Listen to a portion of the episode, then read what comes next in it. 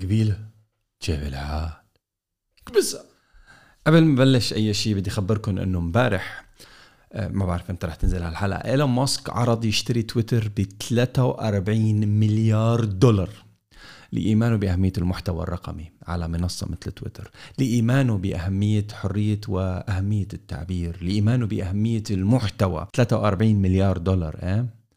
وفهمكم كفاية. ليكو الناس بتحب القصص. بتحب الحكايات بتحب البداية والحبكة والنهاية. والقصص هي الطريقة المثلى لتعلم أي شخص وكيف بتقول هاي القصة بنفس الأهمية إذا مش أهم. السرد الإلقاء الخطابة هن الطريق اللي بتعطي للقصة حياة أو تقتل أمتع القصص. في عدد لا متناهي من مدارس الإلقاء وفن الخطابة وأساتذة هذا الفن. You can find them على يوتيوب هناك نقاط تتقاطع بين كل هذه المدارس واللي رح نذكر بعضهم بهذا المقطع أو هالفيديو. بوجهة نظري الخاصة أدوات الإلقاء بتعتمد وبتتركز أو ترتكز على الثقة بالنفس واللي بتيجي بوجهة نظري من التمكن من ما تقدم. معرفة ما أقول محبة ما أقول. إنه عن جد عن جد عن جد تكون حابب الشغلة. ورح تبين بعيونك عيونك عم تضوي يا الله وأنت عم تحكي عنها. شو ما كانت تكون. ها لازم الشغف يكون موجود. يعني أنا بس مثلا أحكي عن كرة القدم رح أكون مثل ما أنا عم بحكي عن ابل مثلا؟ أكيد لا. آه، محبة الذات تجي لها أهمية كبرى جدا والتصالح مع الشكل ونبرة الصوت والتنوع الصوتي والتلوين مهمه جدا في إعطاء دفعة جبارة للثقة في النفس. عندك شغلة مهمة التكرار والتكرار والتكرار التدريب. ثم التدريب التحضير ثم التحضير التجهيز وما أدراك ما التجهيز. وصلت الفكرة؟ لا يوجد خطيب على كوكب على سطح هذه الخليقة؟ آه، بدون تجهيز. ما فيك تكون محاضر بدون تجهيز. ما فيك تكون بتحكي من غير تجهيز. هلا مرات الارتجال مطلوب وقوة الارتجال بتعتمد على مدى تمكنك انت من الموضوع اللي عم تحكي عنه بكل بساطة. والتمكن من وين بيجي؟ من القراءة من الاطلاع. مثلا حسان مضطر آه، يقدم فقرة عن كرة القدم. تمام؟ حضرت فيديوهات دورت قابلت متخصصين قرأت كتبت آه، تمرنت آه، وتمرنت وتمرنت. اجيت قدمت المحتوى بشكل جدا مقنع. هل برأيك ممكن ارتجل يا سيدي إذا سئلت سؤال واحد خارج النص اللي أنا متمرن عليه 2000 مرة game over سقطت وسقطت مصداقيتي. المصداقية هي العملة اللي بتخلي الناس تصدقك تسمع لك تتابعك. وإذا راحت المصداقية دور لك على شغلة ثانية على السريع أي business ثاني المعرفة والعلم والثقافة والقراءة والخبرات وكل هدول الشغلات الجميلة ممكن يملوا عقلنا بخصوص الموضوع اللي أنا بحبه. مو بس كتب. مو بس قراءة مو بس خبرات مو بس فيديوهات مو بس مقاطع كله. نينا بتحب ال make up على سبيل المثال. بتقرأ على ال make up بتشوف فيديوهات على ال make up متابعه للموضوع على طول على طول على طول. ما في شيء اسمه عبالي وما عبالي. لما بتحب أنت يكون على طول على بالك.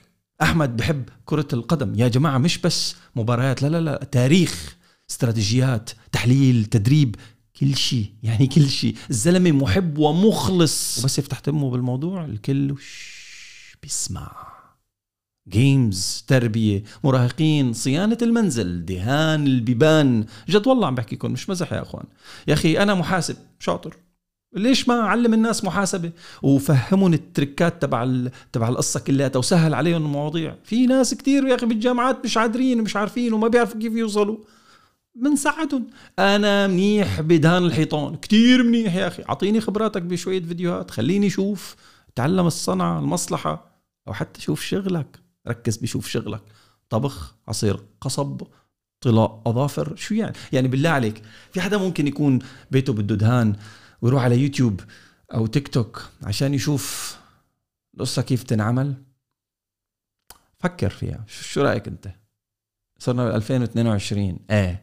بعرف إنه إنه الموضوع ممكن يكون غريب ولكن على تيك توك في معلم ديكورات جبس فاتح قناة على تيك توك وعلى طول أبو الشباب live وبيفرجيك كيف بيشتغل القوالب وكيف بيحفر الجبس وكيف بيخلط وكيف بيعمل الدنيا كلها وعنده متابعين بعشرات الآلاف إذا مش بمئات الآلاف. والثقة هون بتشوفها بلغة الجسد إيه، الزلمه متمكن من اللي عم بيعمله. عم تشوف نتائج ولا أروع من هيك.